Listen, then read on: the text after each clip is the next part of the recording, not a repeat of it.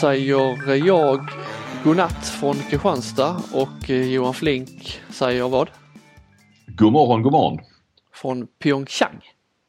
Exakt. Här är väl då klockan eh, halv nio på morgonen, fredag morgon och vad har vi då? Halv ett, ett. på natten till fredag hemma hos dig. Mm. Du laddar lite för eh, nya skidlopp eller? Eller har du kommit igång med eh, de här eh, skikrossen? Nej, det har jag inte. Eh, jag laddar väl mest för pressträffar idag faktiskt. Jag ska träffa, eh, eller jag ska träffa Gunilla Lindberg, håller en pressträff. Eh, hon är ju, ja det vet du vem är va? Det är ju. Eh, olympiska Ja. Vad är, vad är hon efter tiden? nu är hon, hon är ju, för det första är hon generalsekreterare i Svenska Olympiska Kommittén men hon har också varit ledamot sedan, tror jag, 20 år i Internationella Olympiska Kommittén, IOK. Och hon har faktiskt varit i Pyeongchang 39 gånger under de här åren nu inför OS. Då hon har varit eh, ans alltså den, vad ska man säga, högst arrangörsmässigt från eh, IOK.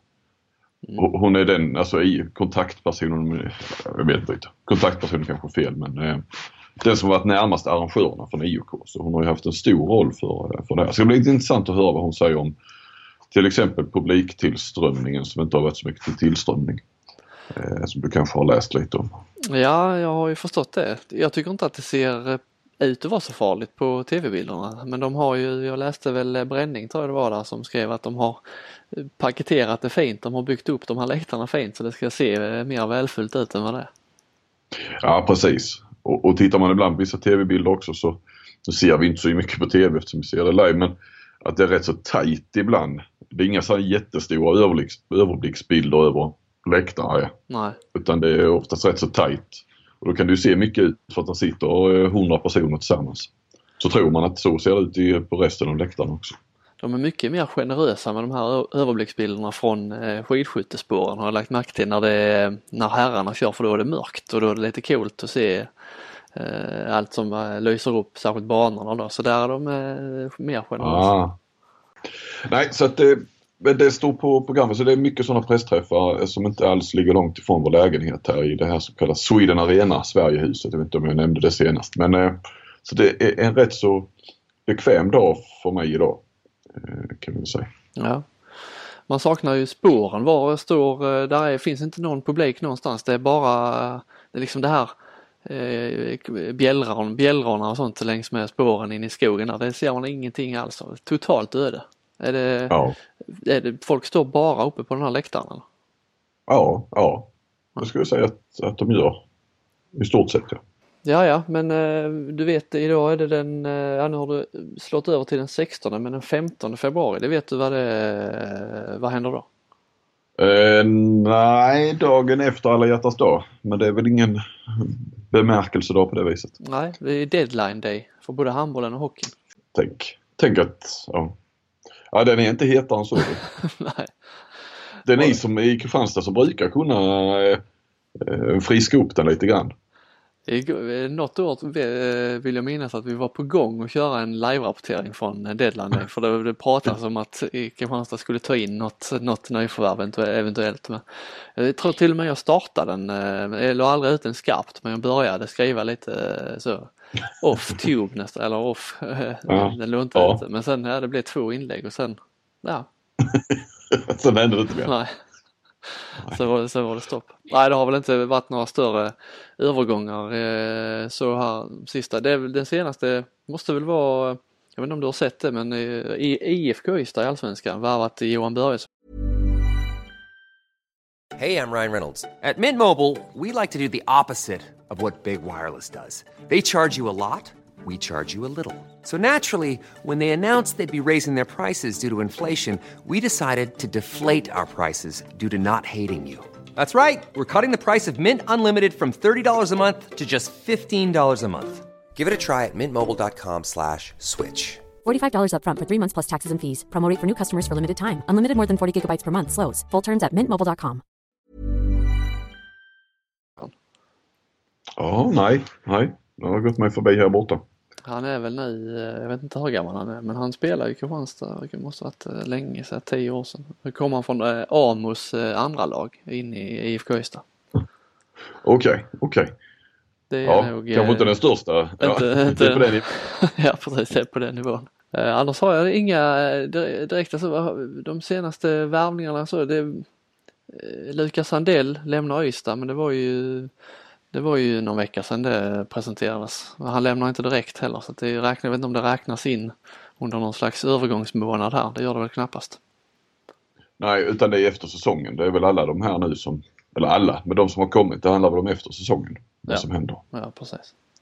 Eh, och det kan man väl förstå Sandell där med, med Kim Andersson. Eh, fortsätter uppenbarligen och, och vad var det, han hade väl skrivit ett femårskontrakt så han borde ha ett par år kvar på det efter denna säsongen. Va? Ja, precis. Nej men jag tänkte på lite eh, deadline day sportchefsrollerna. De har inte, det är inte någon, eh, eh, om man jämför med hockeyn så är det ju extremt mycket övergångar de här sista, sista timmarna. Jag tror vårt lag presenterar sin senaste spelare nu bara en halvtimme, timme innan, innan deras fönster stängde. Men, eh, och han har ju nästan gått in i vägen den sportchefen som de har. Men eh, handbollssportchefsrollerna eh, är lite lugnare känns det som eh, just i alla fall kring eh, övergångsfönstret eh, tills att det stänger. Men eh, jag tänkte lite på deras uppgift. I många fall är det ju en rätt så tuff tuff roll. Det är många, om man tänker på kontrakt och så här, det är inte bara övergångar utan som de sysslar med, med utan det är kontrakt som ska förlängas, spelare som man vill behålla men som försvinner som mm, Lukas Sandell och Ystad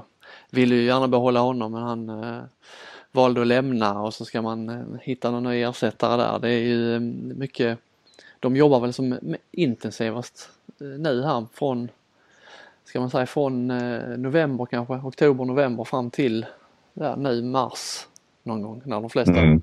övergångarna blir klara. Eh, lägga pusslet där. Ja precis. Den jag tänkte på det är ju om man tittar på Kristianstad så är det ju de flesta kontrakten är väl påskrivna eller eh, är det redan klart att folk lämnar. Men vi har ju fortfarande sån som eh, Gunnar Stein Jonsson där till exempel som kom ju då för två år sedan som någon eh, slags eh, frälsare lite, blev bäst betalde spelare och nu har han varit här i två år och inte riktigt eh, fått det att lossna. Man väntar ju fortfarande eh, på det om, det om det ska lossna. Nu kommer det väl inte att göra det men han har ju då ett kontrakt som går ut och eh, den situationen är ju lite jag kan tänka mig att som sportchef är det nog inte helt enkelt där med med, med en sån som, som Gunnar då som ja, trevlig kille liksom rotat sig med familjen i stan och trivs här och, och jobb Och man har fått nästan en nära relation efter alla år. Ja precis. Och han pratar själv om det han vill, han vill gärna stanna och eh, kan tänka sig att utbilda sig till tränare och kanske träna något ungdomslag i, i Kristianstad och så också. Och sen samtidigt då har man det då, man, man, man gillar honom eh, på alla sätt och vis men just sportsligt så eh, är det inte riktigt försvarbart och, om man skulle förlänga med honom.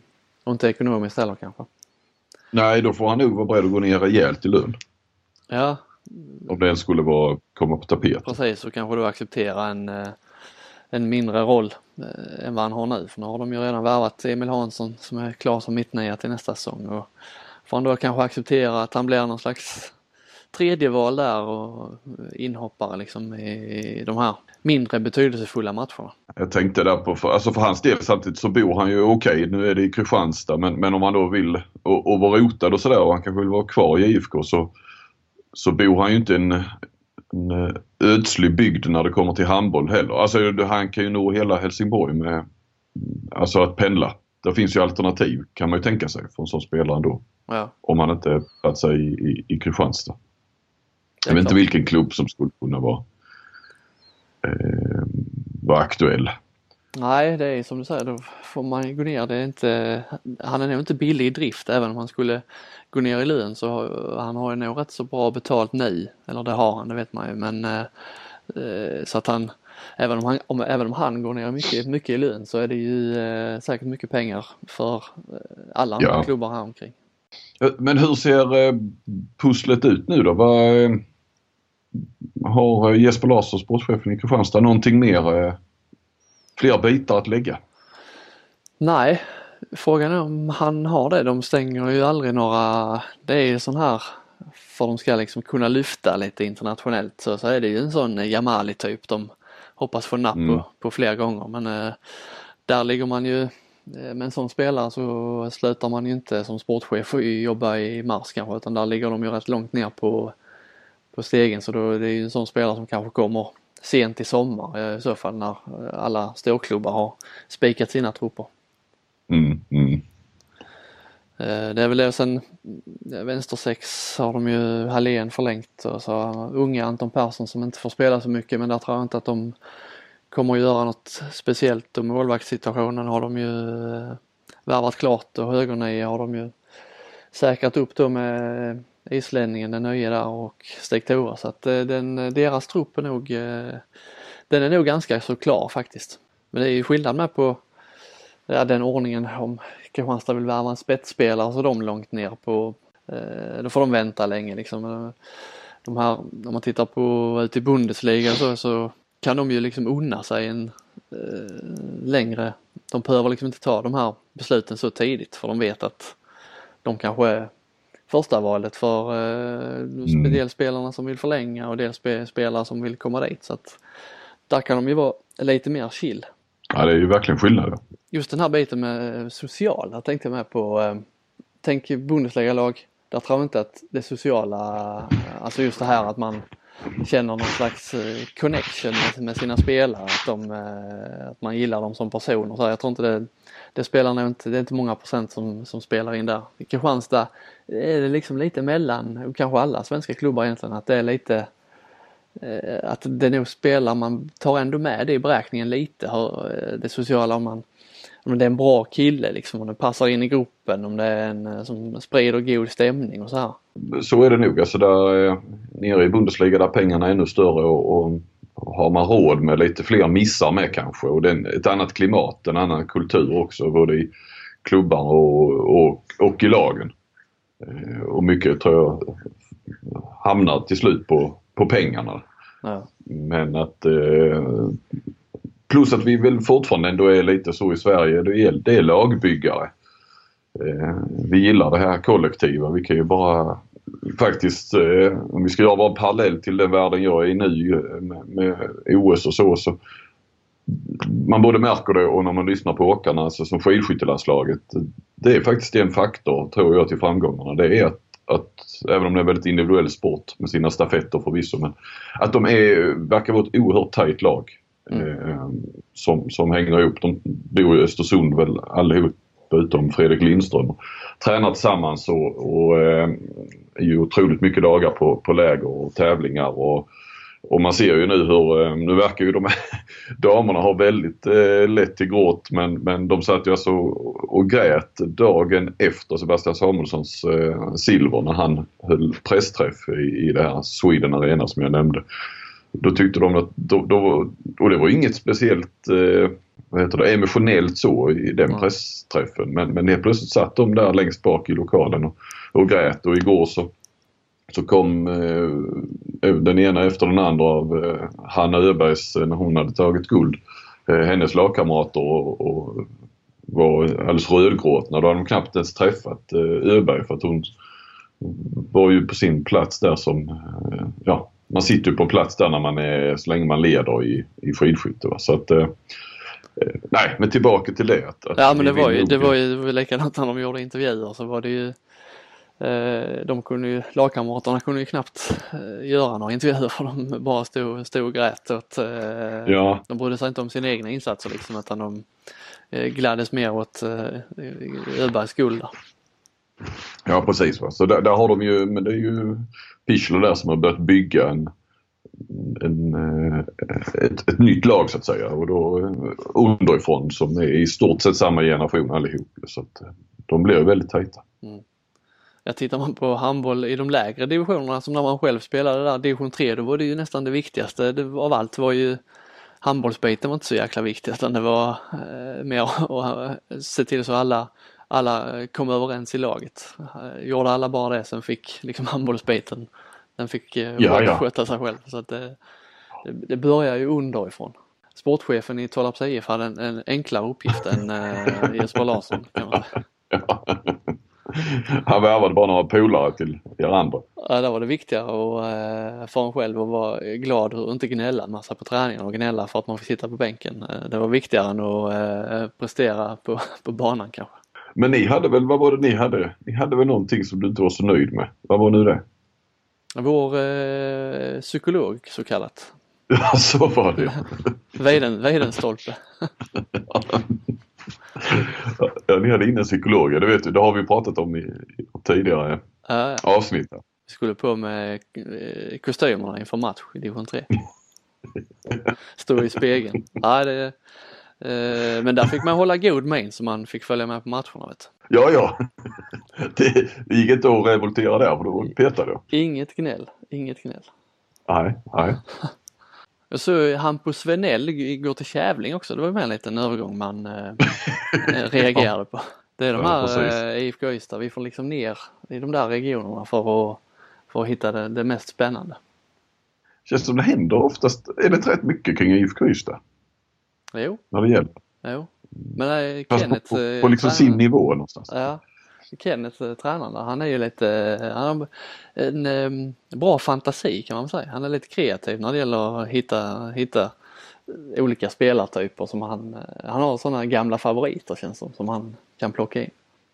Ja, och så känns det också som han har ett stort kontaktnät i, i Skånehandbollen och, och en bra koll på, på spelarna där. Jag menar, frågar du Ola Lindgren tror inte jag han har så mycket koll på, på den nivån av förklarliga skäl. Om man säger. Men, Nej, men, att, eh, men Kenneth är ju en, det är en handbollsmänniska som är uppvuxen i Skåne och har tränat mycket lag här omkring. Så att, eh, på tal om då eh, lite övergångar och sånt så eh, jag har ju, får jag ju tillstå då inte haft eh, någon järnkoll på handbollen eh, här borta för det är inte minst eh, tiderna gör ju det också och allt jobb man, man lägger ner här på, på detta men tiderna gör det helt omöjligt att, att se några matcher i princip.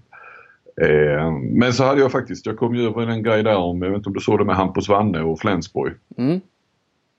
Att han, eh, ja, jag vet inte. Om han håller på, håller han på att bråka sig därifrån som Zlatan var kung på ett tag då när han eh, ville komma ifrån Ajax och sen var det väl Juventus också tror jag, eller om det var Inter. Ja, Barcelona.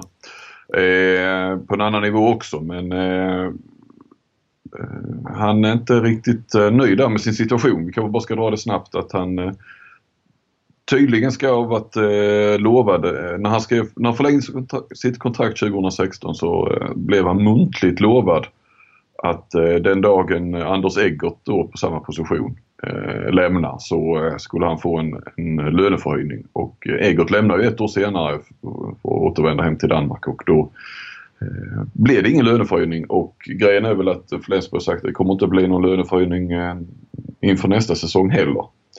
Så nu är inte Vanne så glad. Problemet är ju att det tydligen inte finns inskrivet i det här kontraktet. Så det är ju, då är det ju alltid svårt. Ja, ja. Det är svårt att se Vanne bråka sig bort. Han verkar vara en, en hederstyp. Ja, faktiskt. Och i en klubb som han har varit i i fem år nu. Det var ju faktiskt 2013 han kom. Så att eh, han borde ju ha rätt så nära band med klubben också. Men är det, han kanske, eh, man ser inte så mycket här, andra handbollsstjärnor som bråkar sig bort. Klubbarna brukar vara rätt så förstående och så när, när spelare vill lämna. Det är inte så mycket, eh, dels för att det inte finns så mycket övergångssummor och så men det är som kanske eh, startade något när han eh, bråkade sig bort från Westbrem då. Ja, precis. Fast då snackar vi ju då var det ju verkligen Då de största det- summorna i, som vi har sett i handbollen nästan som Westberg ville ha och så vidare. Ja, Men eh, ja, man har ju svårt att se nu ändå att, att och hur mycket pengar kan det handla om? Det, det kan inte vara så mycket. Eh, nej och han är väl rätt allt. viktig med dem. Han är ju liksom, spelar väl nonstop i princip. Ja, ja, Det är väl inte mer än rätt att han får en skälig lön. nej.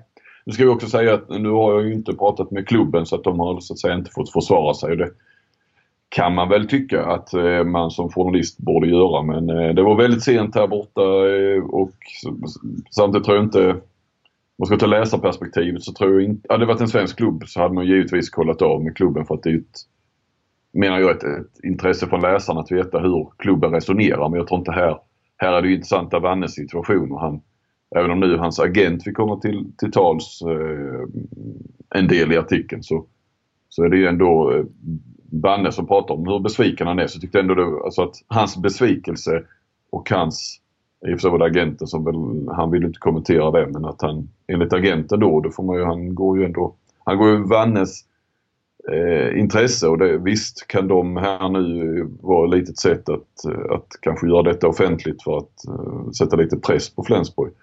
Så, så är det ju ändå en uttalad vilja att han vill lämna klubben. Och då tyckte jag ändå det var värt att skriva utan att jag vet inte heller, Flensburg hade sagt inga kommentarer. Eh, men, men eh, förstår du mitt resonemang? Ja, ja. Som läsare i Sverige så kanske det inte är jätteintressant vad Flensburg säger och vad deras policy är. Men det, det hade varit mycket intressant om det hade handlat om Skövde till exempel. Eller ja, ja. Eh, så. Det, det, har ju betydelse för eh, framtiden också, hur långt man är beredd att gå som klubb. Man har ju följt, eh, om, man om vi tittar lite OS så har man ju följt, jag har ju försökt eh, följa dig såklart men det har inte, det har inte blivit så många bylines. jag tror att det tog, eh, nu, är det ju gamla print och den är inte så viktig längre men jag tror att jag hade en grej i tidningen de första 5-6 dagarna härifrån om vi snackar printtidningen. Ja. Och det var att Henrik Signell blir ny, eller blir ny, att han lämnar Sävehof och det har vi faktiskt inte nämnt här. Det måste ha kommit någon dag efter vi körde vår podd senast. Ja. Eh, så att eh, sen blev det lite mer. Men jag var ju, hade gjort lite, det var inte så hett med mina sporter där i början och de eh, körde ju bort sig och, och sådär. Så att, eh, men, men det är inte, jag har en, jag har ingen, det är inte samma roll som man har på ett handbollsmästerskap om man säger så här. Och, men jag trivs med den rollen så jag, jag klagar inte. Det var ingen, ingen som på Sportbladet eller någon annan som nappade på den här grejen jag tyckte var kul med den där amerikanska snowboardåkaren var det var han som eh, försov sig och glömde jackan och svor och sa fuck och grejer till amerikansk tv. Det plockades inte alls upp. Det, nej, jag såg att du eh, twittrade om den men det var så att vi gjorde ingenting på den kanske nej. Eller gjorde vi, eller gjorde vi den? Nej, jag, har, jag, har inte läst, jag har inte läst den någonstans. Nej, ja, det är möjligt. Eh, nej, den var väl en bra story ja. Jag har inte läst den riktigt. Nej, jag blev, blev besviken. Jag satt, när jag hade twittrat så satt man så och väntade. Jag tänkte att nu har man eh, kommit något på spåret här. Nej. Ja men det hade du väl. Det var nog vi som, eh, vi som eh, missade lite där faktiskt. Däremot är jag ju som många andra eh, på, på Twitter som, som eh, ryggdunkar så är jag ju, eh, följer man ju Leifbys öden och äventyr på det här olympiska spelet med, med stort intresse. Ja, jag tycker Leifby har varit strålande här. Ett par, ett par krönikor som sticker ut. Förutom att han är jävligt bra på, ursäkta svordomen, på att köra sin klassiska live också. Han kör ju den när det är de stora längdskidloppen där. Och, ja. Jag vet inte om det var han men jag, för jag följde faktiskt ett av de lopp jag satt på någon buss och kunde inte se, se loppet ens på TV utan jag följde det i vår live-rapportering och det var ju när han eh, Kryger eh, mm. norrman där, när han kraschade. Jag är rätt säker på att eh, Leif var först ut med Kryger-kraschen. Ja, det var han nog ja. Ja, han var nog det. Det är så typiskt honom att hitta den direkt. Ja. Så att han är bra där också. Men, men hans krönikor har han ju eh, träffat rätt och, och eh, både med en bra spaning, viktig eh, vinkel men också på, skrivet på ett jäkligt underhållande sätt. Det man har fastnat för är ju det här med som han har hängt upp sig på i eh, Eurosports eller Discoverys bevakning där med just det här, det har vi väl pratat om eh, tidigare, lite hajaklacksjournalistik, att det är många som som blottar sig där känns det som eh, journalister och eh, studioexperter och programledare och så här att det blir liksom för mycket hej hej och härligt och gött och grattis och ja grattis kan man ju säga men och high fives och eh, hela den biten. Det, det är ju sånt som känns kanske, man kan själv sätta sig in i, i de stunderna där det känns naturligt för den som bevakar kanske och om man känner känner till idrottarna lite grann. Att det känns kanske naturligt att göra en high five där om det har gått bra men det är som när man tittar på det så det kliar ju hela kroppen när det blir för mycket sånt här gulligull med, med allt och alla för alla liksom alla är polare och liksom det blir ja, för det, blir inte, det, blir, det blir inte bättre tv av att det bara är så. Nej och han som gick väl någonstans över alla gränser var väl Niklas Höjland då som eh, har de här man kallar inte dem extremsport. Nej men det här med snowboard och de här freestyle och ja det är lite det jag också bevakar eh, då och då. eh, men eh, nej men han Sean White då som naturligtvis är en superstjärna men han var ju så starstruck så att han han i TV, först var det en high five och sen avslutade han med kan jag inte få ge dig en kram? Ja. Jag vet inte och jag menar de har ju ingen relation på det viset utan det var ju rent bara för att det här är en superstjärna. Jag måste ge honom en kram. Ja. Och få chansen att göra det. Ungefär som att ta en selfie eller en, en autograf som man gjorde förr. Den var, men sen har jag, det har jag upplevt nästan överhuvudtaget att äh, även de som, äh, eller alltså i TV, som är så att säga TV, alltså journalister, alltså de, det är väldigt mycket hejaklack där. Eh, och sen är det väl knutet också idag till det här med rättigheter. Alltså de är ju så glada att de får en rättighet så att så de blir ju, och du, du måste promota dina sändningar och så vidare.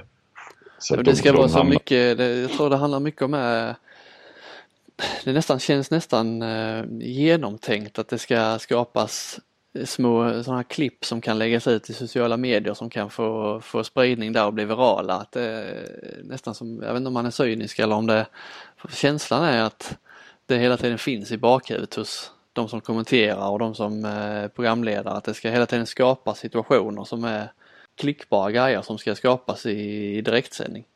Och när man, Precis, får, när, man får, när man får den känslan så är det ju, eh, även om man är inne i, i branschen själv och man kanske har lättare för att lättare för att få den känslan så det är inte riktigt bra när det, när det blir så tydligt.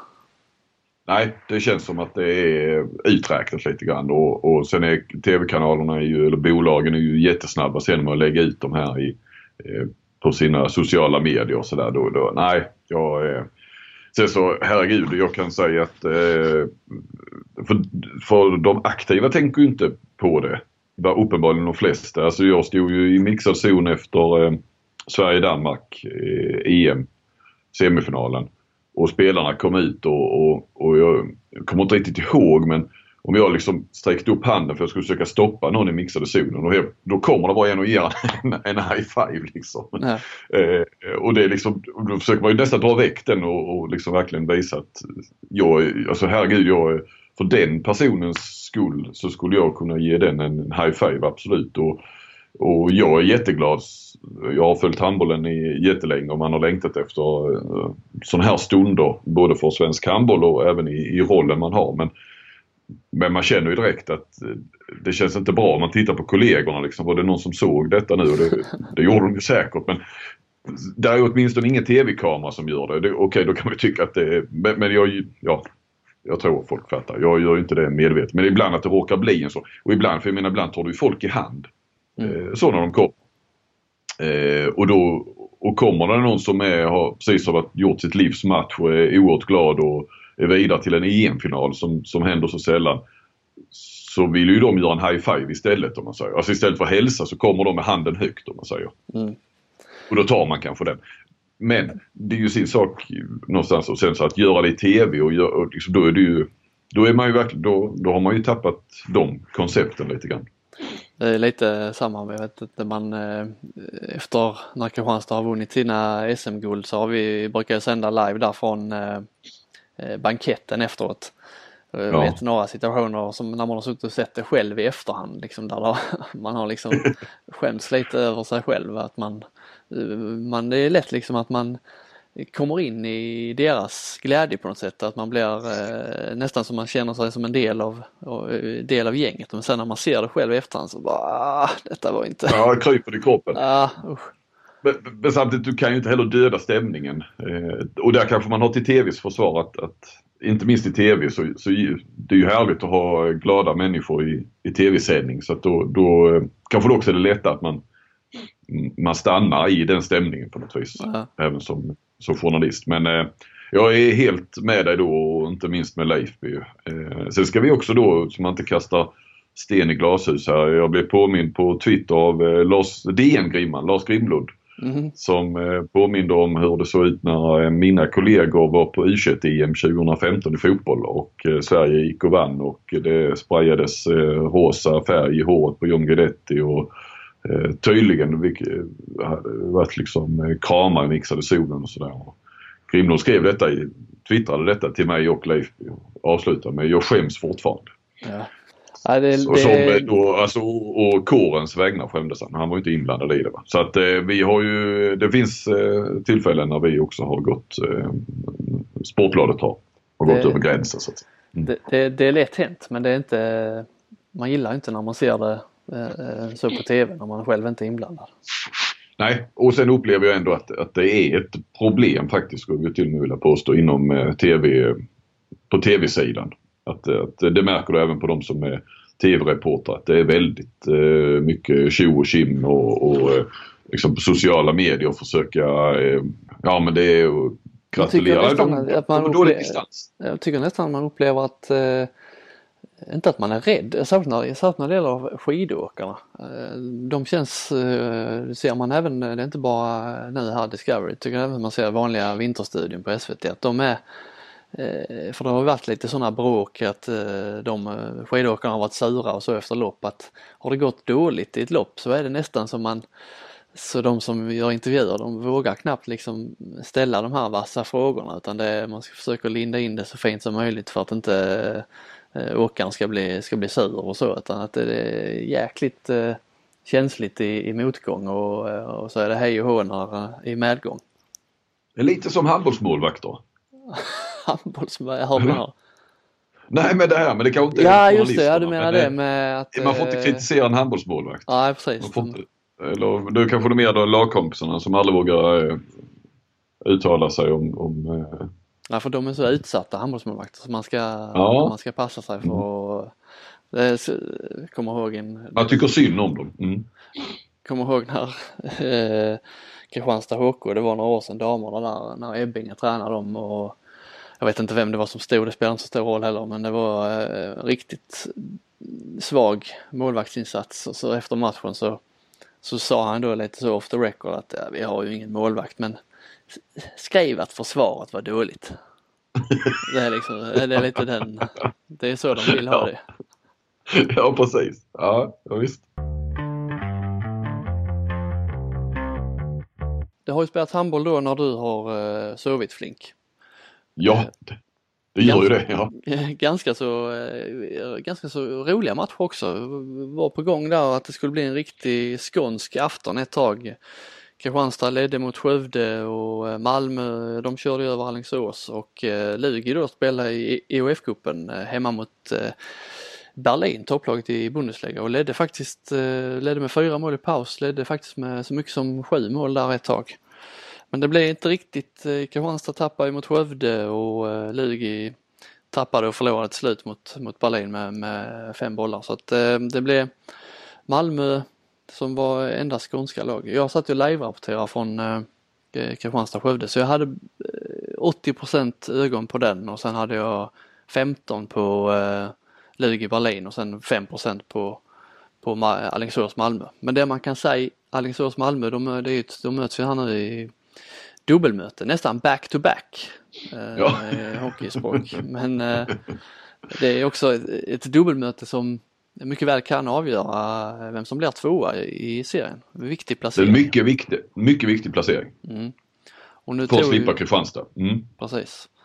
Och nu tog ju Malmö, vann ju stort här mot Alingsås borta och nu har de ju fyra poäng ner. Visserligen med en match mer spelare än vad Alingsås har men eh, nu ska de ju möta dem hemma igen så att det känns som att de tog ett eh, ganska rejält grepp där samtidigt som Alingsås då är lite ur form.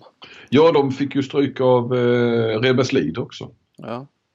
Det kanske till och med så... Jag var faktiskt, tydligen, förlåt bara, men tydligen har ju Erik och Prast ett stik mot Alingsås. Jag har inte riktigt koll på det. Jag ringde faktiskt Magnus Wislander jag har gjort lite handboll fast det handlar, jo, det handlar ju om handboll i och med att det handlade om gamla, gamla OS och så. Men jag pratade med honom då igår kväll blir det ju. Eller i förrgår kväll kanske.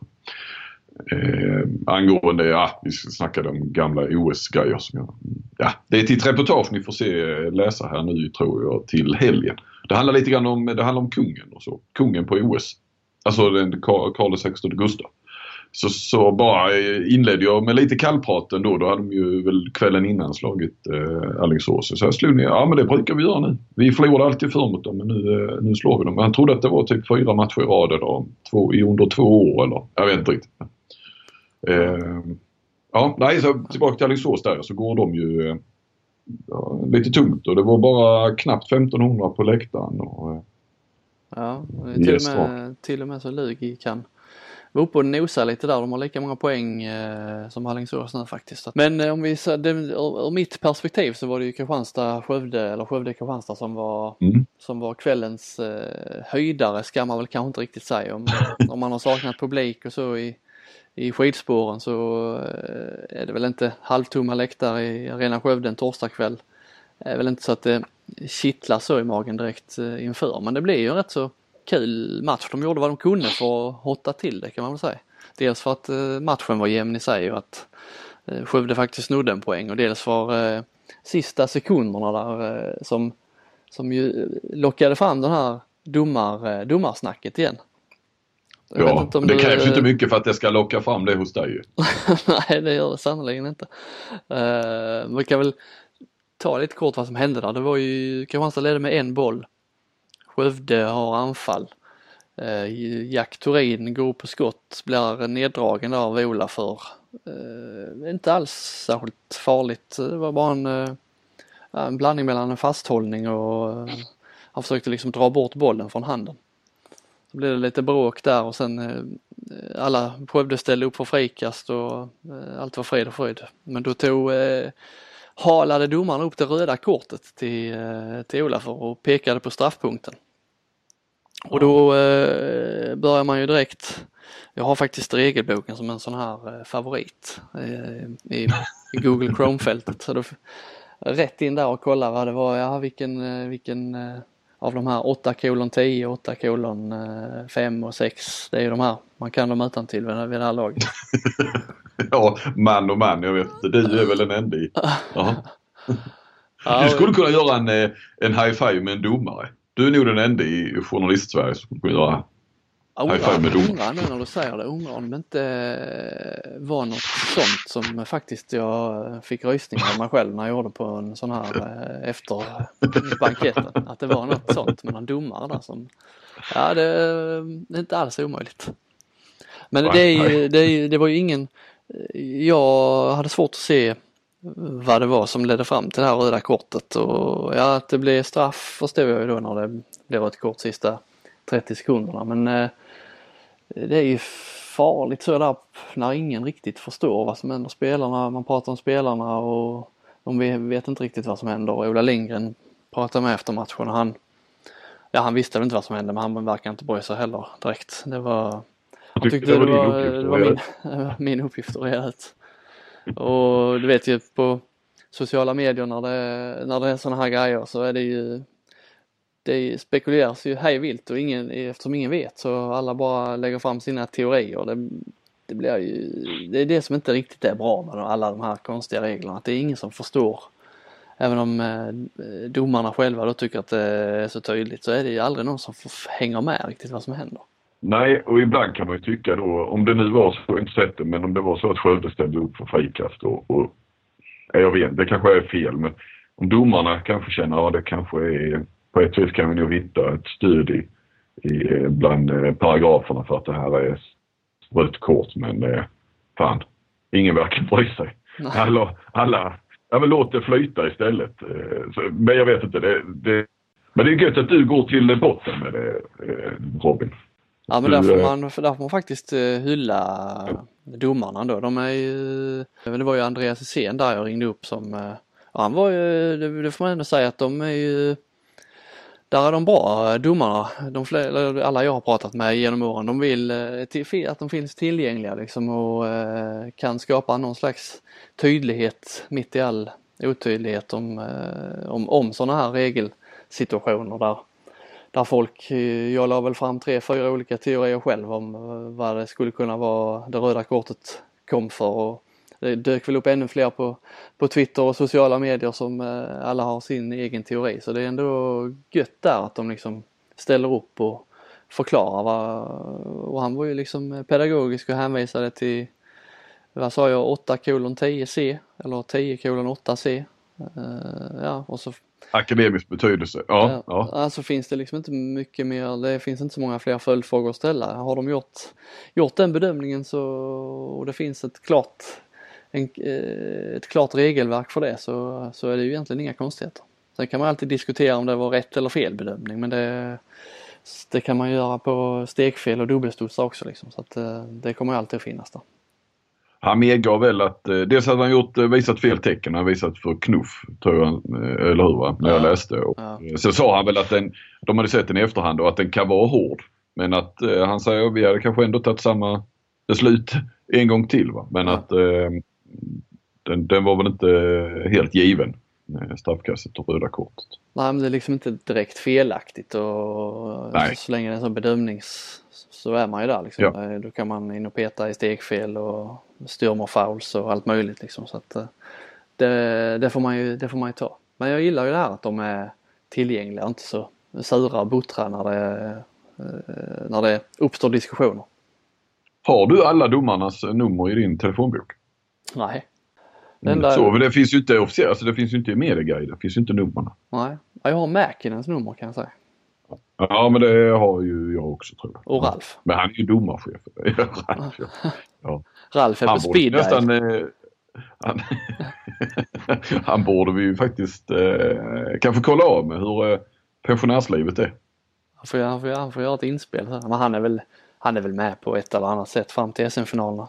Du inte det? är han säkert. Oh ja, oh ja. Och, eh, han, han, som sagt, han är ju lite konsult nu så han jobbar säkert lika mycket som han gjorde innan. Ja. Nu börjar jag bli trött i rösten. Ja, och jag börjar bli hungrig. Så att jag ska väl gå och äta frukost. Det blev inte så mycket mat igår kan jag säga alls. Jag ska, jag ska faktiskt göra som han skridskoåkaren. Jag ska ta en Gorbis pirog innan jag går och lägger mig. Van der Poel? Ja precis, van der Poel ja. Han käkar ju eh, piroger till frukost men det ska inte du göra. Nej, men eh, den är helt okej okay, frukosten här. Det blir nog en omelett som de står och gör. Ja. Ja det låter gott Flink. Då hörs vi. Är du kvar nästa vecka eller hur är, vi, hur är det? Ja jag är, ja, jag är det. Vi är väl, eh, ja precis. Jag är en och en halv vecka kvar nästan här. Ja. Nej, inte riktigt. Ja, jag håller ställningarna så hörs vi igen nästa vecka. Ja, det är strålande Robin. Tack för att ni lyssnade så hörs vi. Det gör vi. Hej.